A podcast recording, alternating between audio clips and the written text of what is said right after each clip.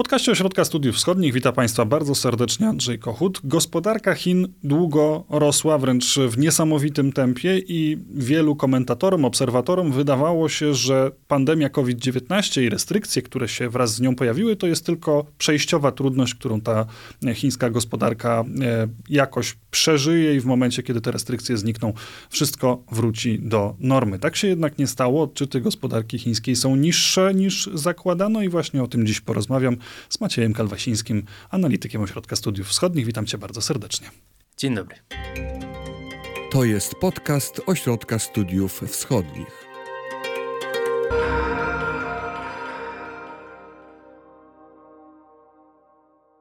Czy te odczyty, zwłaszcza te, które pojawiły się w ostatnich dniach, to już jest powód do niepokoju i dowód na to, że coś dzieje się nie tak z chińską gospodarką? Jest to powód do niepokoju dla władz w Pekinie i dla obserwatorów światowej gospodarki. Te odczyty są zaskakująco niskie. To znaczy, one nie są tak złe, jak były w okresie covidowych lockdownów, ale także nie są tak silne, jak się spodziewano, że będą po otwarciu gospodarki.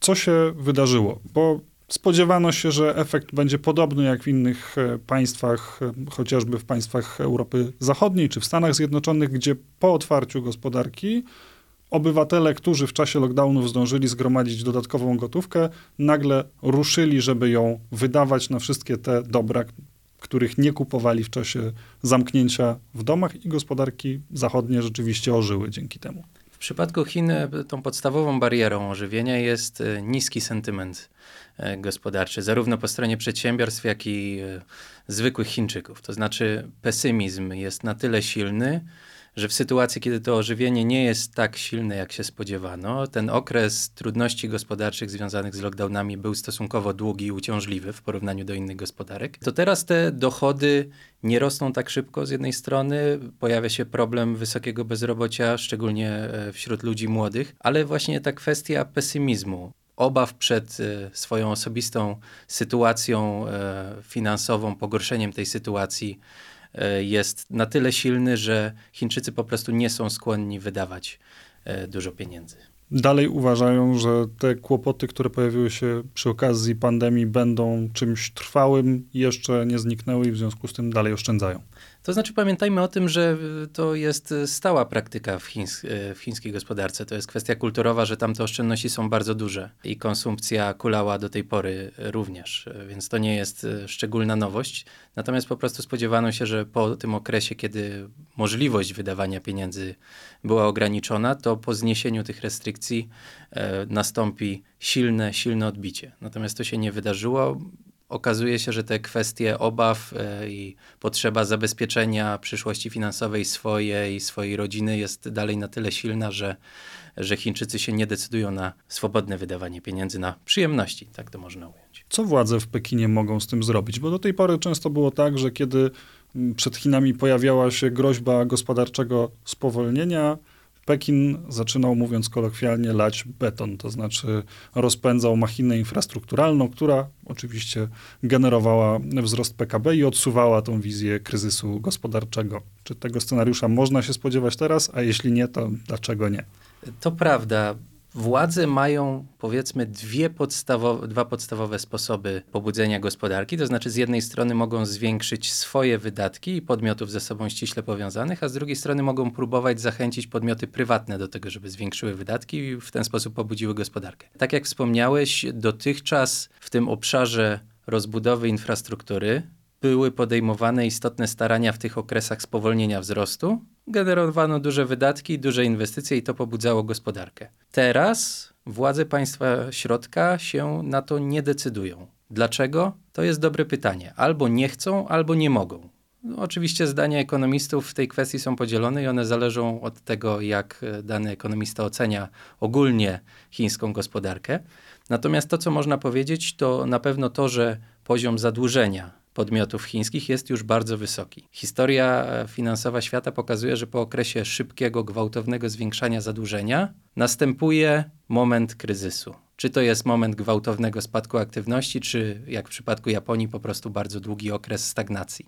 Bo po prostu nie można tego zadłużenia zwiększać w nieskończoność w bardzo szybkim tempie. I to z tego sobie chińscy ekonomiści, w tym ci, którzy pełnią istotne, czy też pełnili istotne role polityczne w Chinach, sobie doskonale z tego zdają sprawę. Więc mamy z jednej strony taką możliwość, że po prostu władze w Pekinie uznały, że ten poziom zadłużenia jest na tyle wysoki, że jego dalsze zwiększanie przyniesie większe problemy niż potencjalne korzyści w postaci pobudzenia tej aktywności krótkoterminowej. E, dlatego być może się na to nie decydują. A być może nie widzą sensu w tym.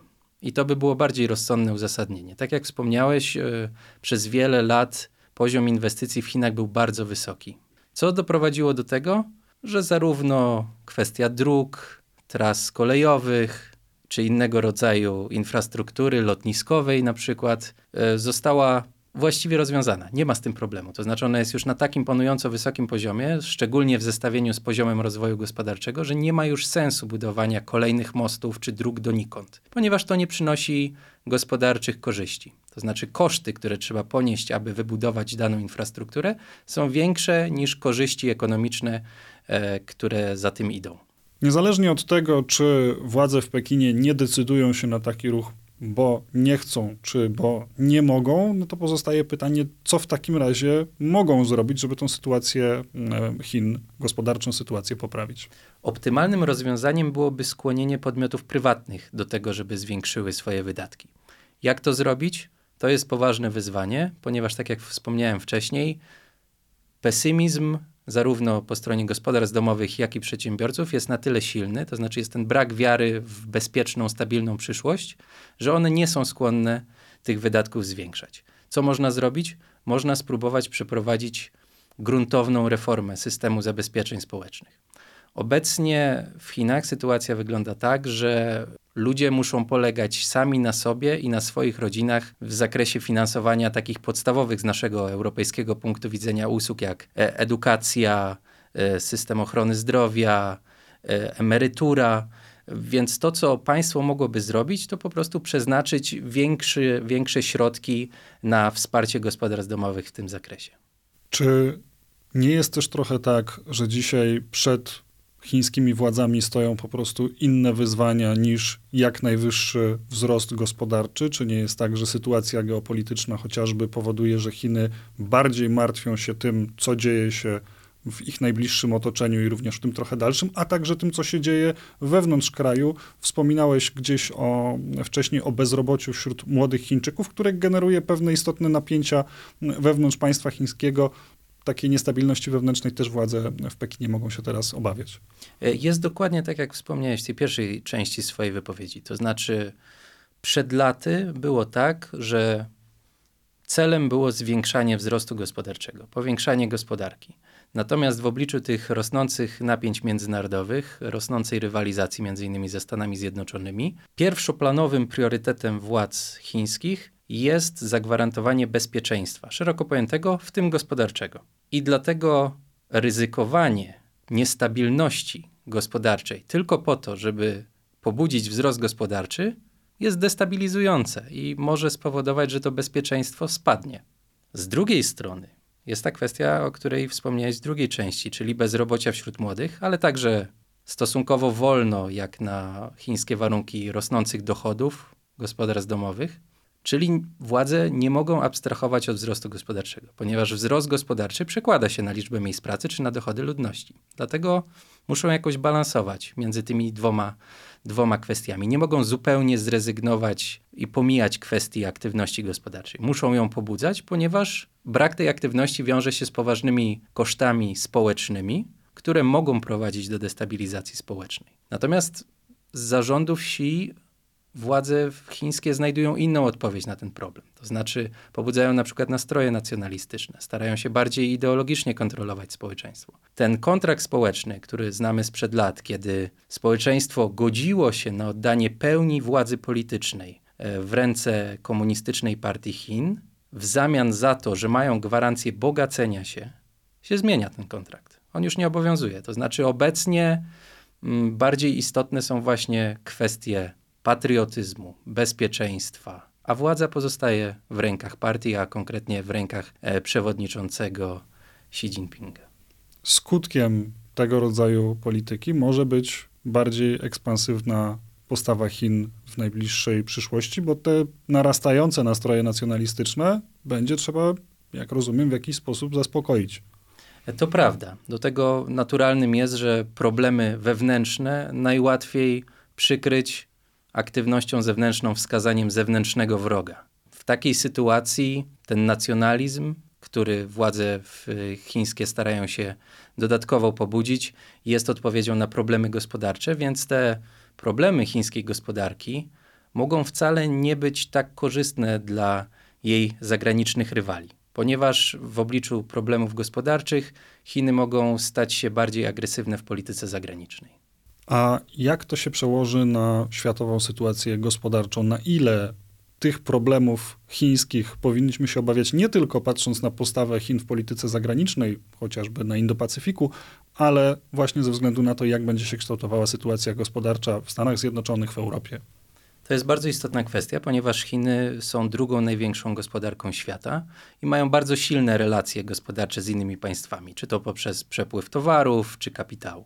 Mniejsza aktywność gospodarcza wewnętrzna chińska powoduje, że spada globalna presja inflacyjna. Świat od y, dwóch już chyba lat boryka się z szybkim wzrostem cen. W momencie, kiedy Chiny nie dokładają swojego silnego popytu na towary, o które powiedzmy konkurujemy w skali świata, ta presja inflacyjna jest odrobinę mniejsza.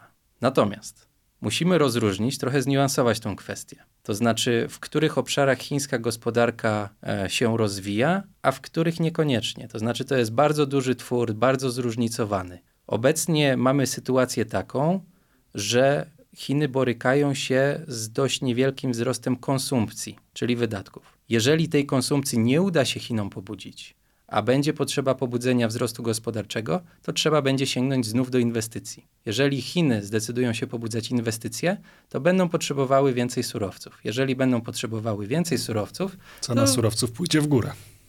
Właśnie tak.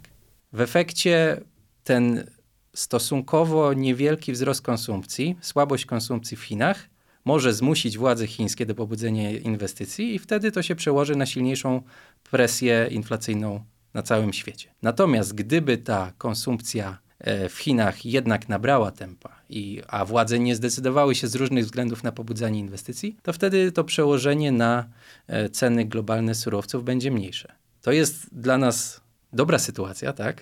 To łatwo ocenić, ponieważ nie chcemy płacić więcej za surowce. Natomiast dla eksporterów surowców to już nie jest dobra sytuacja, ponieważ oni zarabiają na tym, że sprzedają e, surowce do Chin. Więc to jest kwestia no, zniuansowana.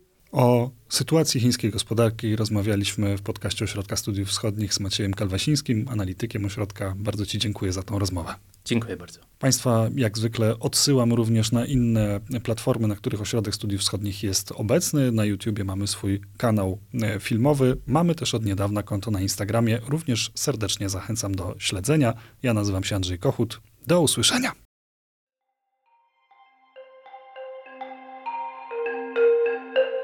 Wysłuchali Państwo podcastu Ośrodka Studiów Wschodnich. Więcej nagrań można znaleźć na stronie www.osw.waw.pl.